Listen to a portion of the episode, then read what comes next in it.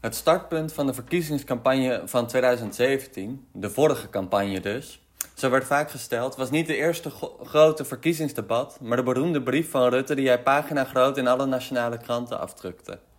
Vooral de afsluitende woorden doe normaal of ga weg zijn ons bijgebleven en weergalmen in de vele besprekingen van zijn nalatenschap als premier.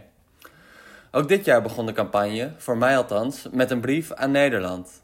Ditmaal echter niet van Rutte, maar van de Belgische schrijver Tom Lanois, die naar aanleiding van de rellen over de avondklok in Eindhoven en op het Museumplein. Rutte reageerde daarop op voorspelbare wijze.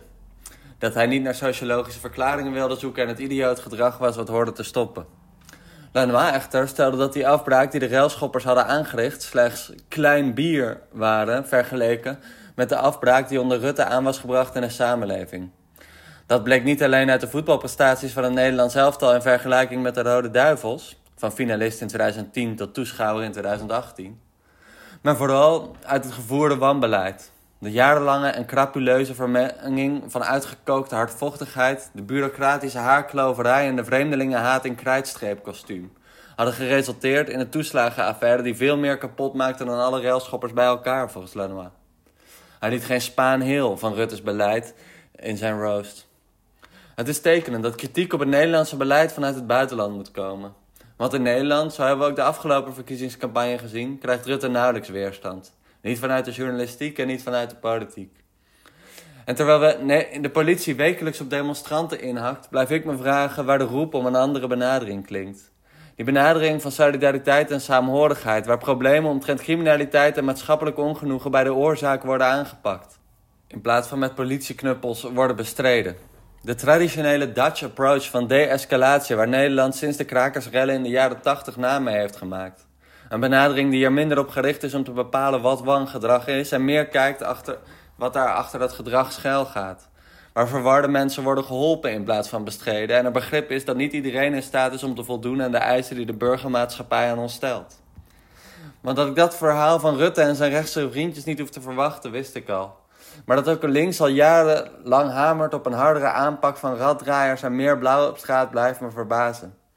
Ook Lanois richtte zich in zijn analyse niet alleen op Rutte, maar ook op PvdA-kopstuk Jeroen Dijsselbloem, die als Eurogroepvoorzitter niet alleen draconische bezuinigingen doorvoerde, maar dat ook nog eens nodig vond om de Zuid-Europese landen als een dominee de les te lezen. Maar hij had het net zo goed over Diederik Samson kunnen hebben, die zich een kleine tien jaar terug in vol ornaat als straatcoach liet fotograferen om direct te verklaren dat Marokkaanse jongeren een etnisch monopolie op straatoverlast zouden hebben. Samen met Hans Spekman en Lodewijk Asscher maakte de eerder genoemde jarenlang de dienst uit binnen de PvdA, wat resulteerde in een dramatische verkiezingsnederlaag in 2017. Ik heb ze wel eens, naar bijbelse analogie, de vier ruiters van de PvdA-apocalyps genoemd. Vooral omdat die analogie zo treffend is. In het Bijbelboek Openbaringen wordt de apocalyps voorspeld aan de hand van vier ruiters. Eerst de witte ruiters, die de overwinning brengt. Hier gerepresenteerd door Diederik Samsom, die in 2012 nog 38 zetels binnenhakte voor de PvdA. Het was een valse overwinning, want daarna moest hij veel van zijn plannen uitwisselen met Rutte. Daarna ging het hard bergafwaarts. Eerst volgde de rode ruiter die strijd en verdeeldheid brengt.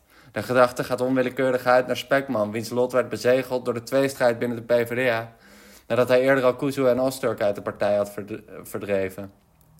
Daarna volgde de zwarte ruiter, Dijsselbloem, die honger en armoede brengt.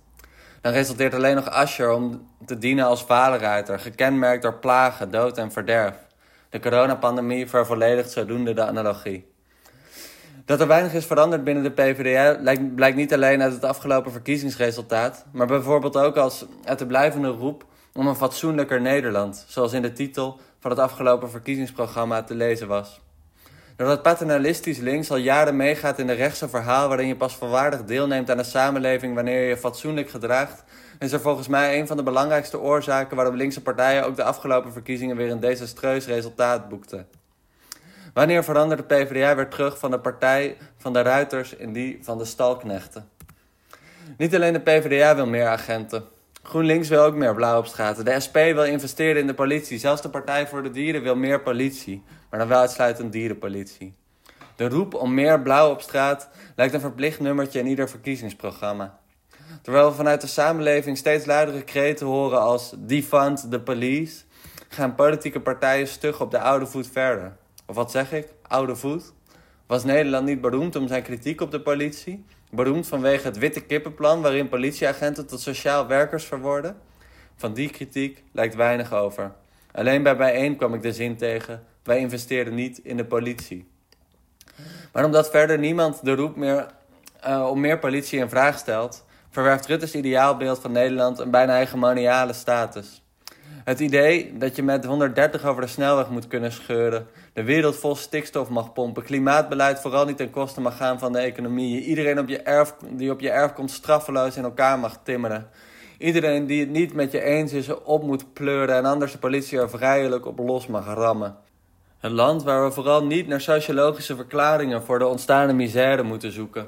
Wie gaat dat land nou eens bevragen?